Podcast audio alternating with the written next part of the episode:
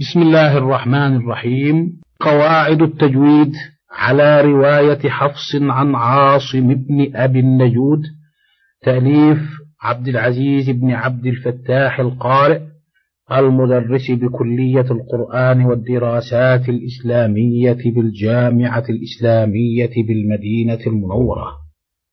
قال الله سبحانه وتعالى وقرآنا فرقناه لتقرأه على الناس على مكث ونزلناه تنزيلا. بسم الله الرحمن الرحيم. مقدمة. الحمد لله رب العالمين والصلاة والسلام على أفضل المرسلين وعلى آله وأصحابه أجمعين. وبعد. فقد نظرت في كثير مما ألف في التجويد على رواية حفص من المصنفات القديمة. فاستقر عزمي على تأليف كتاب للطلاب.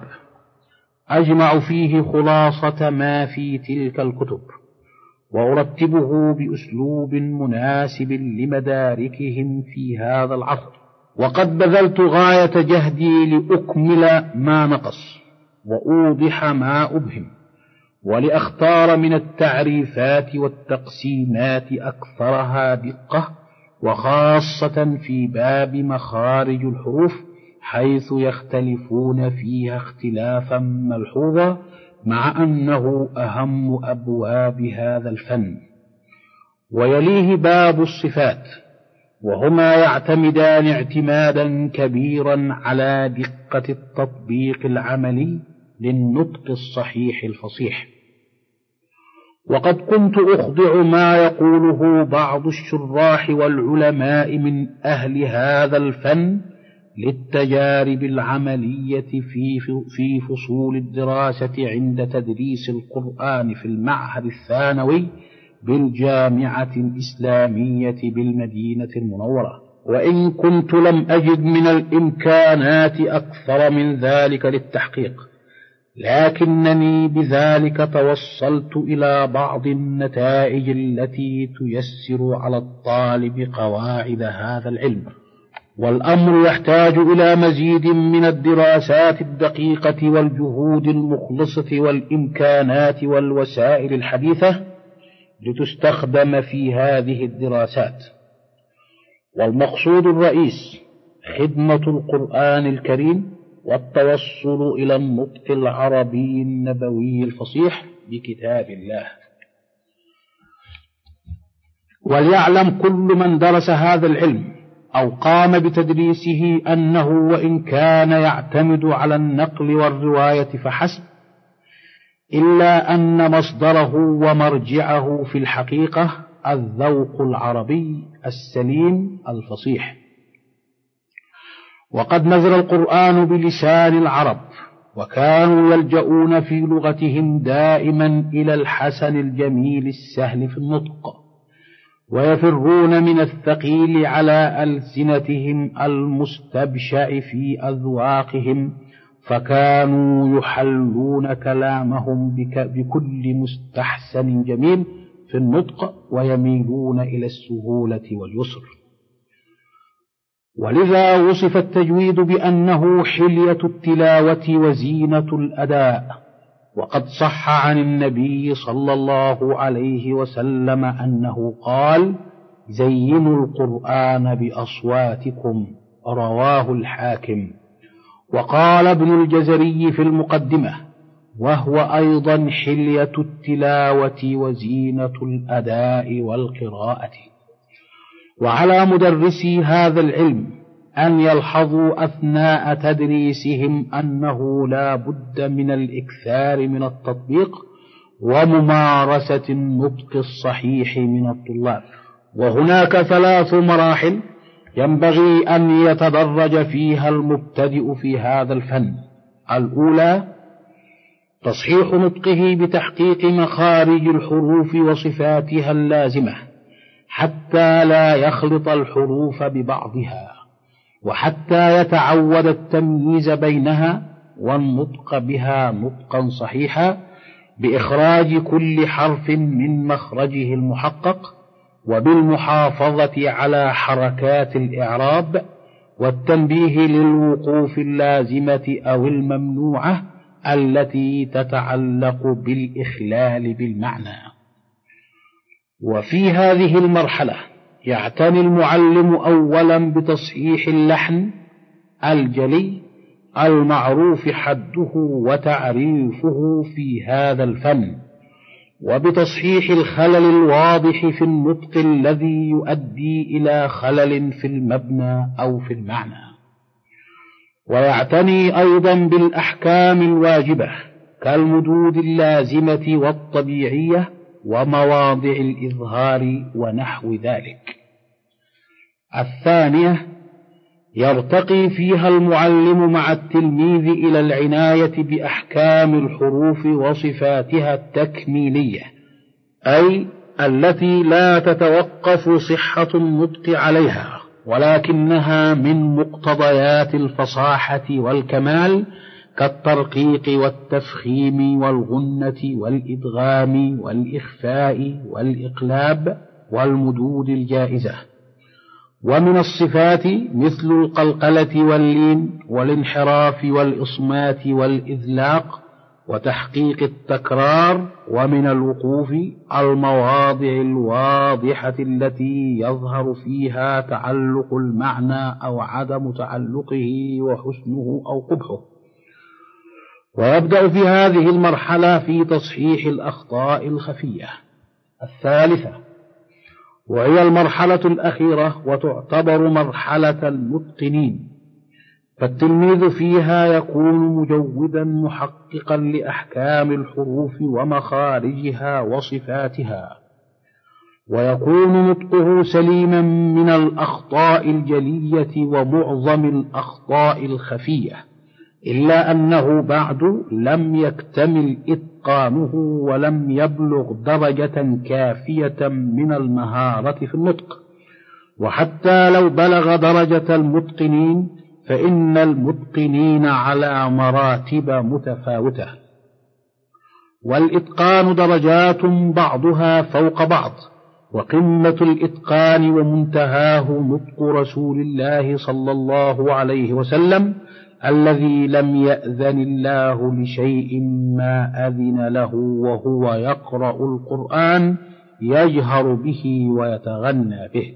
حاشية أخرجه الشيخان. انتهى. في هذه المرحلة الأخيرة يهتم المعلم بالنواقص الخفية التي تخل بالإتقان لا بالنطق. كالتدقيق في مقادير المدود ودرجاتها ومراعاة المعاني الدقيقة في الوقوف وبلوغ الغاية من المهارة في تحقيق الصفات. وينبغي أن يوفر المعلم أثناء درس التجويد والقراءة فرصتين لتلاميذه.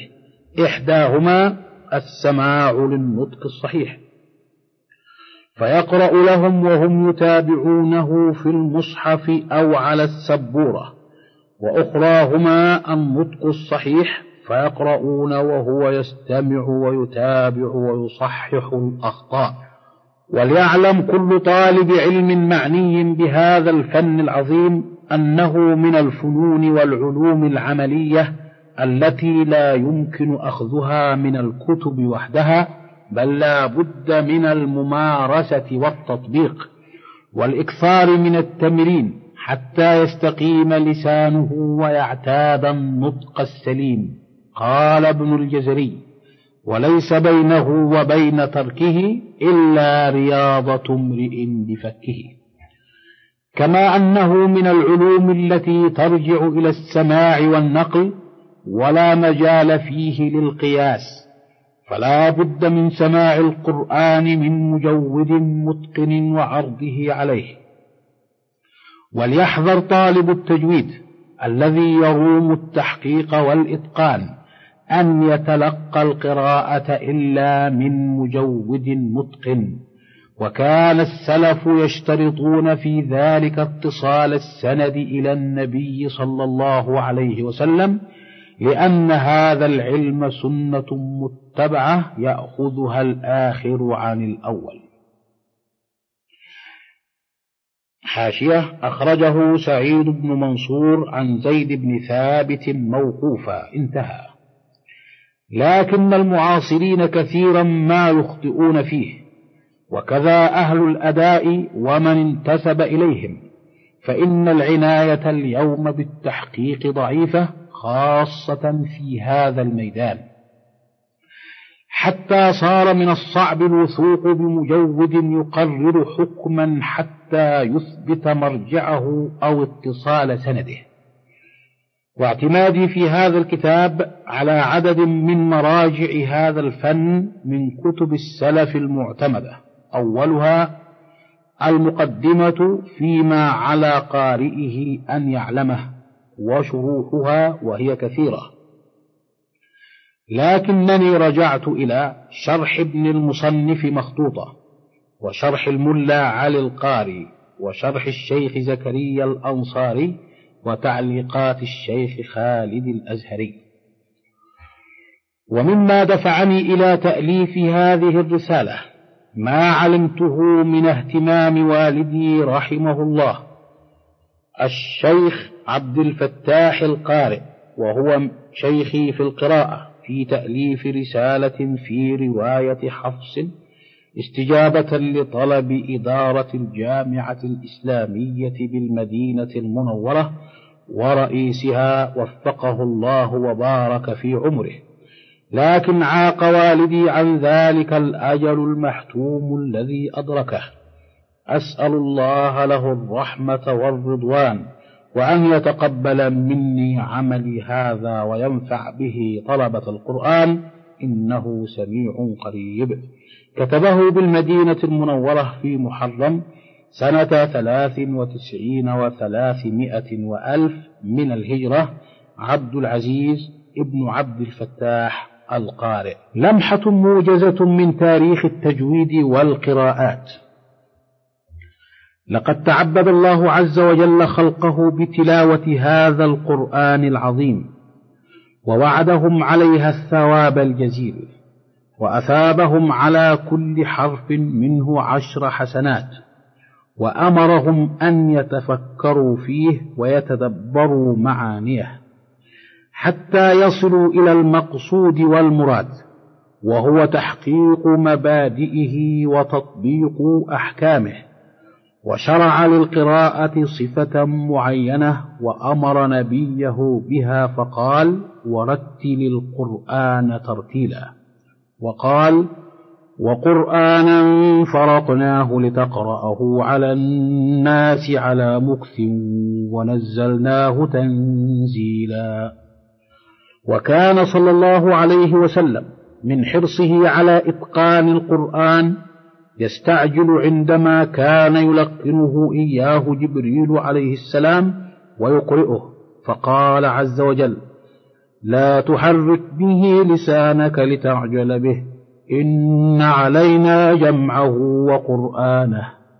وكان صلى الله عليه وسلم يعرض القرآن على جبريل في كل عام مرة في رمضان وفي السنة التي توفي فيها عرضه مرتين. وقد علم النبي صلى الله عليه وسلم الصحابة القرآن كما تلقاه من جبريل ولقنهم إياه بنفس الصفة وحثهم على تعلمها والقراءة بها. وروي عنه أنه قال إن الله يحب أن يقرأ القرآن غضا كما أنزل.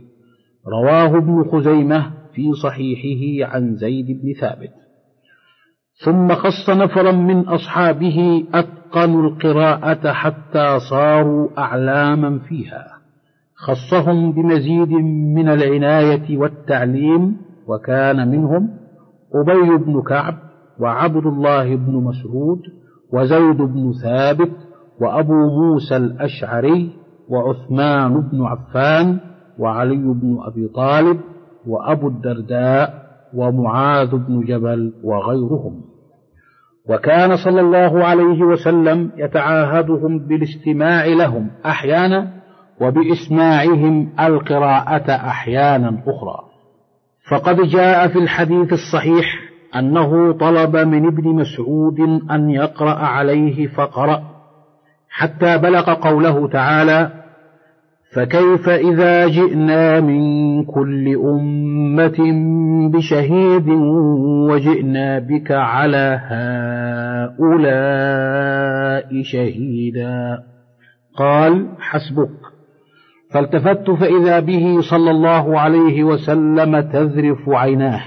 حاشية متفق عليه.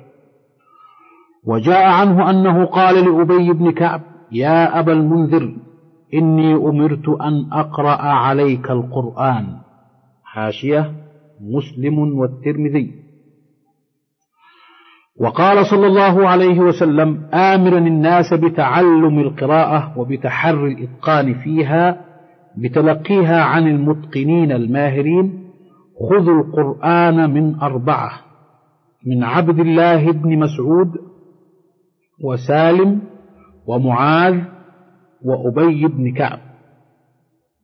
حاشية البخاري. كل هذا وغيره يدل على أن هناك صفة معينة للقراءة. هي الصفة المأخوذة عنه صلى الله عليه وسلم. وبها أنزل القرآن فمن خالفها أو أهملها فقد خالف السنة وقرأ القرآن بغير ما أنزل. وصفة القراءة هذه التي اصطلحوا على تسميتها بعد ذلك بالتجويد تحتوي على لهجات العرب الفصحى وطريقتهم في النطق وهذا من مقتضى كون القرآن عربيا فهو عربي في لفظه ومعناه وأسلوبه وتركيبه ولهجته وطريقة النطق به. ولذلك تجد كثيرا من مباحث التجويد والقراءة في علم اللغة والنحو فهي مباحث مشتركة بين الطرفين. وقد اهتمت الأمة بهذا العلم الجليل وقام علماء السلف رضوان الله تعالى عليهم بخدمته ورعايته بالتصنيف والقراءة والإقراء. حتى لا يكاد القارئ يقول لم يتركوا للآخرين شيئا. وإني كلما اطلعت على شيء من مصنفاتهم ازداد يقيني بأن ما صنفه هؤلاء في القراءات والتجويد يشكل مكتبة قرآنية ضخمة لا تعادلها مكتبة أخرى. وما زالت الكنوز المدفونة في هذه المكتبة تكشف عن روائعها كل يوم. تاريخ التأليف في هذا الفن. لعل أول من جمع هذا العلم في كتاب الإمام العظيم أبو عبيد القاسم ابن سلام في القرن الثالث الهجري. فقد ألف كتاب القراءات الذي قال عنه الحافظ الذهبي ولأبي عبيد كتاب في القراءات ليس لأحد من الكوفيين قبله مثله. واحد معرفة القراء للذهبي صاد ثنتين وأربعين ومئة. وقيل إن أول من جمع القراءات وألفها حفص بن عمرو الدوري. حاشية معرفة القراء صاد سبع وخمسين ومئة. انتهى.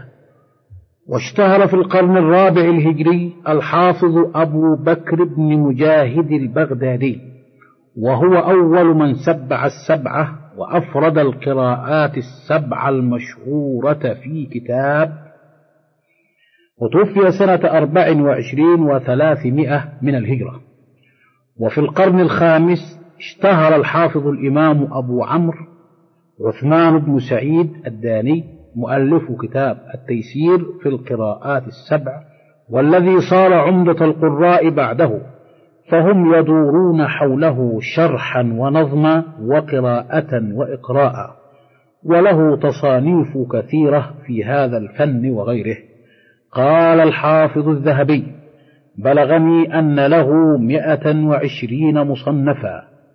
وقد عد ابن الجزري منها في طبقاته واحدا وعشرين كتابا. توفي أبو عمرو الداني سنة أربع وأربعين وأربعمائة من الهجرة.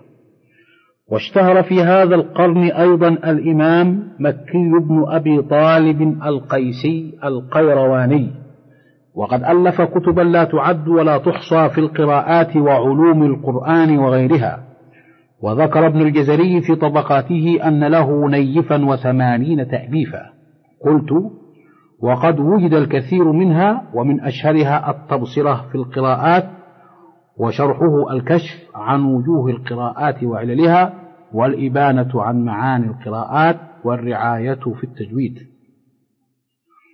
وفي القرن السادس الهجري اشتهر شيخ هذا الفن الذي تسابق العلماء إلى لاميته وانكبوا عليها انكباب الفراش على النور. تلك هي الشاطبية التي أسماها حرز الأماني ووجه التهاني. نظم فيها القراءات السبع المتواترة في ثلاثة وسبعين ومائة وألف بيت. وذلك هو أبو القاسم ابن فيرة ابن خلف ابن أحمد الرعيني الشاطبي الأندلسي. توفي سنة تسعين وخمسمائة من الهجرة. وبعده ما زالت العلماء تطرى في هذا الفن في كل عصر وقرن حاملين لواء القرآن آخذين بزمام علومه إقراء وتطبيقا وصارفين الأعمار لخدمته تصنيفا وتحقيقا. حتى قيد الله عز وجل له إمام المحققين ورئيس المقرئين محمد بن الجزري الشافعي فتتلمذ عليه خلق لا يحصون. وألف كتبا كثيرة أشهرها النشر في القراءات العشر. ضمنه السبعة وزاد عليها قراءة أبي جعفر ويعقوب وخلف ثم اختصره في كتابه تقريب النشر ثم نظم في هذه القراءات العشر منظومة أسماها طيبة النشر ونظم في القراءات الثلاث الدرة المضية. ونظم في التجويد المقدمة فيما على قارئه أن يعلمه وقد تداولها أهل هذا الفن واعتنوا بها وممن شرحها ابن الناظم ثم وضع لها الشيخ خالد الأزهري شرحا مختصرا سماه الحواشي الأزهرية وشرحها أيضا الشيخ زكريا الأنصاري والملا علي القاري وغيرهم. وقد أفرد العلماء بعض أبواب هذا الفن بالتصنيف. كمخارج الحروف وصفاتها ومن أشهر الكتب فيها الرعاية لمكي. وكالفرق بين الضاد والظاء والممدود والمقصور والوقف والابتداء وأحكام النون الساكنة والتنوين.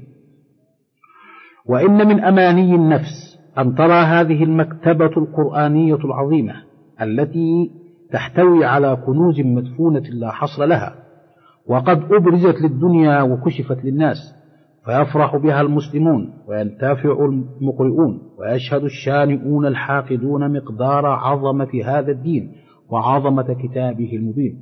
ويروا بأعينهم معنى الحفظ الذي تكفل الله به هذا الكتاب العظيم.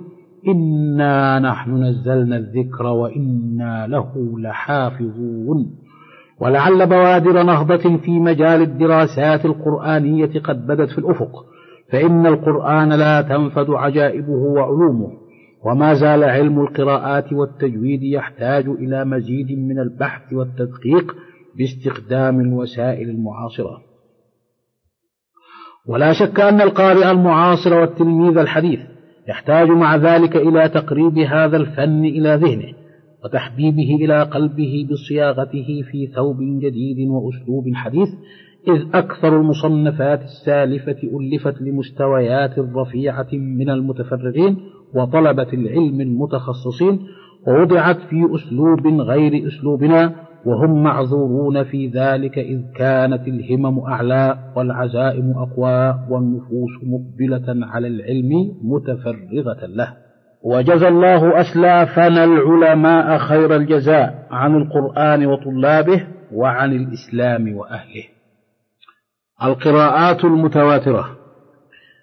تواتر عن رسول الله صلى الله عليه وسلم أن القرآن أنزل على سبعة أحرف أي سبعة أوجه من أوجه القراءة تتضمن مختلف لغات العرب ولهجاتها الفصحى. وعلى رأسها لغة قريش حيث كان نزول القرآن أول ما نزل بها. وكان صلى الله عليه وسلم يقرئ أصحابه بهذه الأحرف فيذهب كل واحد منهم وهو يقرأ بقراءة غير التي يقرأها صاحبه. وتفرق الصحابة في البلاد وأخذ عنهم الناس القرآن ثم كثر تنازع الناس واختلافهم في القراءة حتى خشي حذيفة بن اليمان رضي الله عنه أن يصيبهم مثل ما أصاب اليهود والنصارى من الاختلاف في كتابهم. لقد كان الصحابة رضوان الله تعالى عليهم أجمعين على وعي وإدراك تام لمعنى هذه الأحرف المختلفة والمقصود منها بعد أن علمهم النبي صلى الله عليه وسلم. أما الناس فلم يصل إدراكهم وفهمهم إلى ما وصل إليه أولئك. ولذلك استقر إجماع الصحابة على أن يجمعوا الأمة على مصحف واحد فكتب عثمان بن عفان المصاحف وبعث بها إلى الأمصار. وأجمعت الأمة على ما كتبه في هذه المصاحف واطرحوا ما سواه فلم يقرأوا به. وما زال المسلمون على ذلك إلى اليوم. اعتمد عثمان رضي الله عنه في النص الذي كتبه على العرضة الأخيرة التي عرض فيها النبي صلى الله عليه وسلم القرآن على جبريل مرتين قبل موته. وجعل الأصل في خطه أن يكون على لسان قريش. عند الاختلاف. هامش صحيح البخاري كتاب التفسير باب فضائل القرآن. انتهى. وإذا أمكن الجمع بين الأحرف في الخط كتبوه كذلك. وإلا اختاروا حرف قريش.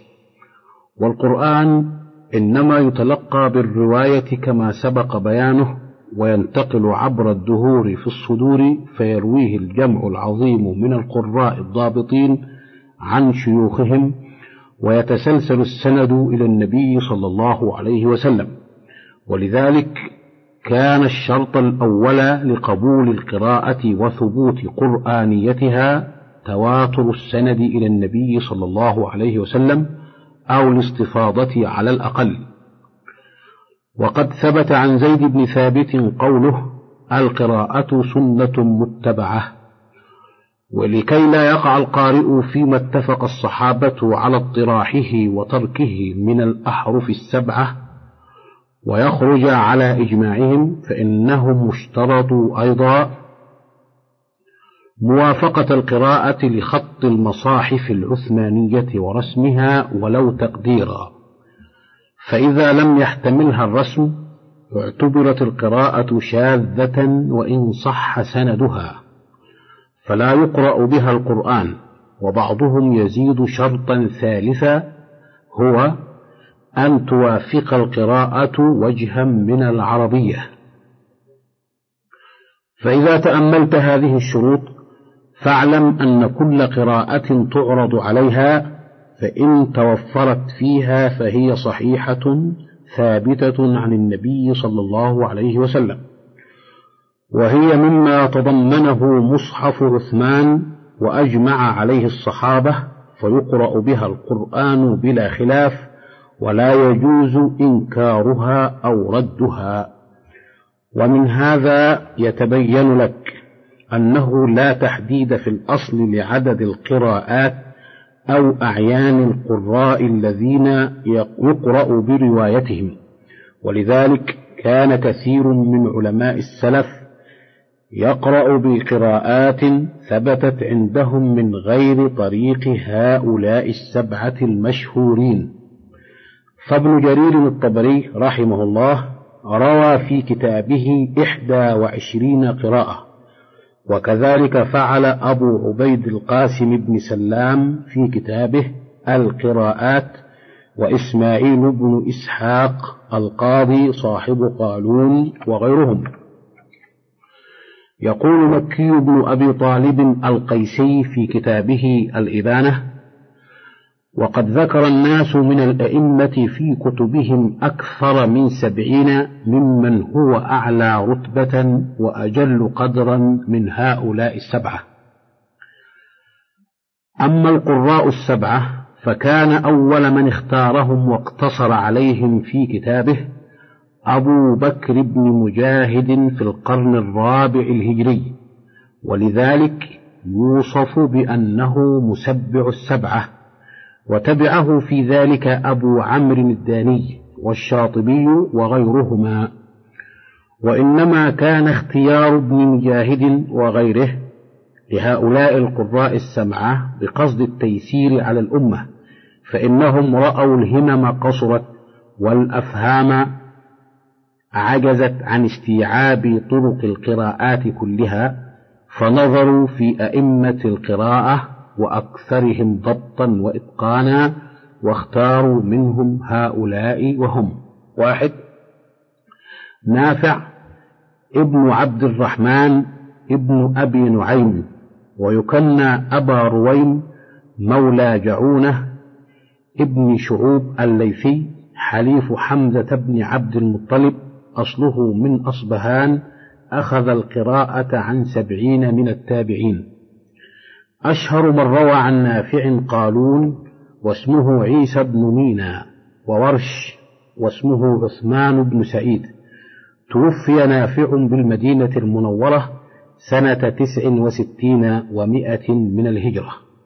اثنان عبد الله بن كثير الداري إمام أهل مكة في القراءة تابعي جليل أخذ القراءة عرضا عن عبد الله بن السائب رضي الله عنه وعرض أيضا على مجاهد مولى بن عباس رضي الله عنهما توفي سنة عشرين ومائة من الهجرة. أشهر الرواة لقراءته قنبل واسمه محمد بن عبد الرحمن المكي.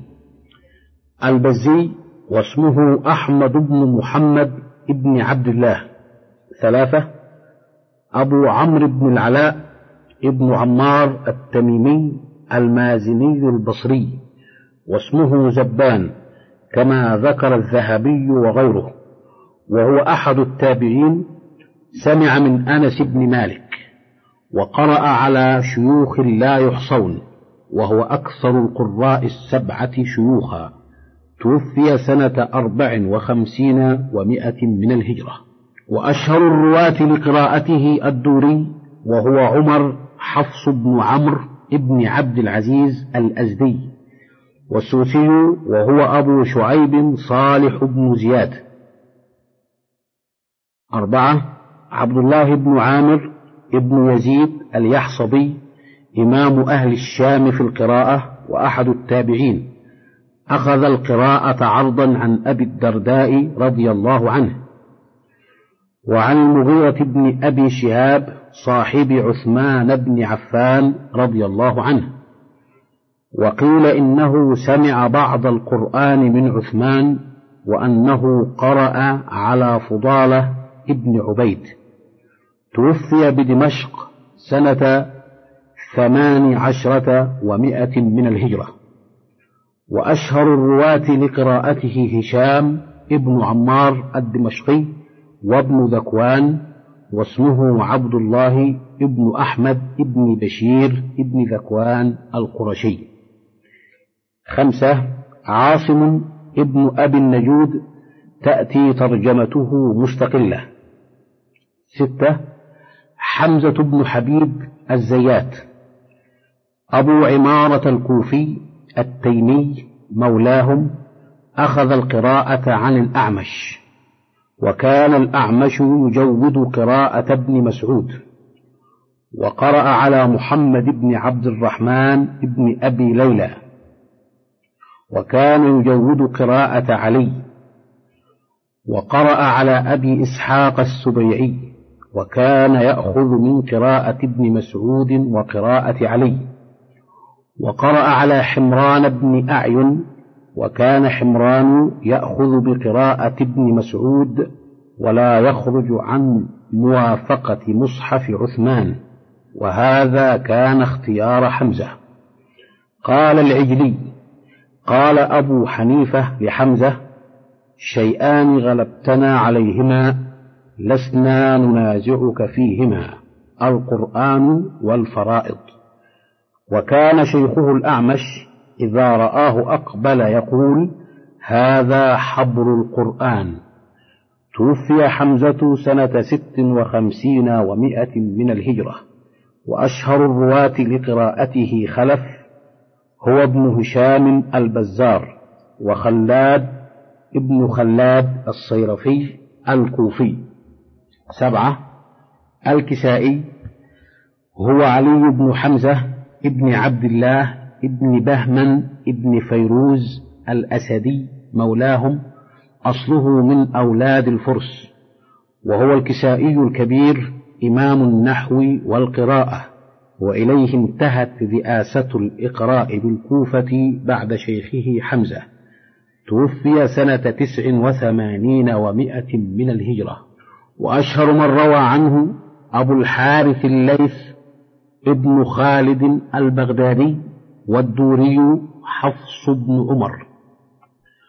فهؤلاء هم القراء السبعة الذين تلقت الأمة قراءتهم بالقبول وثبت تواترها إلى النبي صلى الله عليه وسلم بالإجماع. وزاد ابن الجزري في نشره ودرته ثلاثة قراء هم واحد أبو جعفر يزيد بن القعقاع المخزومي المدني شيخ نافع وأحد التابعين المشهورين أخذ القراءة عرضا عن مولاه عبد الله بن عياش رضي الله عنه وعن أبي هريرة وعبد الله بن عباس رضوان الله عليهم أجمعين. توفي أبو جعفر بالمدينة سنة ثلاثين ومائة من الهجرة. وقد روى ابن الجزري قراءته من روايتي عيسى بن وردان وسليمان بن جماز. اثنان يعقوب بن إسحاق ابن يزيد الحضرمي مولاهم البصري إمام أهل البصرة ومقرئها. أخذ القراءة عن سلام الطويل وشهاب بن شرنفة. قال يعقوب قرأت على سلام في سنة ونصف وقرأت على شهاب بن شرنفة المجاشعي في خمسة أيام وقرأ شهاب على مسلمة بن محارب في تسعة أيام وقرأ مسلمة على أبي الأسود الدؤلي على علي بن أبي طالب رضي الله عنه. قال ابن الجزري في الطبقات وقراءته على أبي الأشهب عن أبي رجاء عن أبي موسى في غاية العلو. وروى ابن الجزري قراءته من روايتي رويس وروح. ثلاثة خلف بن هشام البزار الأسدي أحد رواة قراءة حمزة. أخذ القراءة عن عبد الرحمن بن حماد عن حمزة وعن سليم عن حمزة وعن يعقوب بن خليفة الأعشى وأبي زيد سعيد بن أوس عن المفضل الضبي وروى الحروف عن إسحاق المسيبي وإسماعيل بن جعفر وعبد الوهاب بن عطاء وسمع من الكسائي. روى ابن الجزري قراءته من روايتي إسحاق الوراق وإدريس الحداد. ترجمة عاصم إسناده وشيوخه. هو عاصم ابن أبي النجود ويقال ابن بهدلة الأسدي مولاهم شيخ الإقراء بالكوفة وأحد التابعين. قال ابن الجزري روى عن أبي رمثة رفاعة بن يثربي التميمي والحارث بن حسان البكري وكانت لهما صحبة. أما حديثه عن أبي رمثة فرويناه في مسند أحمد بن حنبل. وأما حديثه عن الحارث فرويناه في كتاب أبي عبيد القاسم بن سلام. وقال نعيم بن حماد حدثنا سفيان عن عاصم قال قرأت على أنس بن مالك فلا جناح عليه أن يطوف بهما فقال ألا يطوف بهما. فرددت فرد علي مرارا. وإسناد عاصم في القراءة ينتهي إلى عبد الله بن مسعود وعلي بن أبي طالب رضي الله عنهما. ويأتي إسناده في العلو بعد ابن كثير وابن عامر. فبين عاصم وبين النبي صلى الله عليه وسلم رجلان وليس بين ابن كثير وابن عامر وبين النبي صلى الله عليه وسلم إلا الصحابي. وقد قرأ عاصم القرآن على أبي عبد الرحمن السلمي عن علي رضي الله عنه. وقرأ على زر بن حبيش عن عبد الله بن مسعود رضي الله عنه. وكان يتردد عليهما فيأخذ من هذا قراءة ابن مسعود ومن ذاك قراءة علي. وهكذا استوثق في القراءة وجمع فيها بين أقوى المصادر. فأبو عبد الرحمن السلمي تابعي مشهور. روى عنه الأئمة الحديث كما رووا القراءة وأخرج له البخاري ومسلم وغيرهما. وزر بن حبيش أيضا أحد الأعلام وقد عرض القرآن على عبد الله وعثمان وعلي رضوان الله عليهم أجمعين. وكان عاصم يقرئ حفصا بقراءة علي بن أبي طالب التي يرويها من طريق أبي عبد الرحمن. ويقرئ أبا بكر بن عياش بقراءة ابن مسعود التي يرويها من طريق زر بن حبيش. وقرأ عاصم أيضا على أبي عمرو سعد بن إياس الشيباني الكوفي. وأبو عمرو هذا أدرك النبي صلى الله عليه وسلم ولم يره. وقد أخذ القراءة عن عبد الله بن مسعود. من فضلك تابع بقية المادة.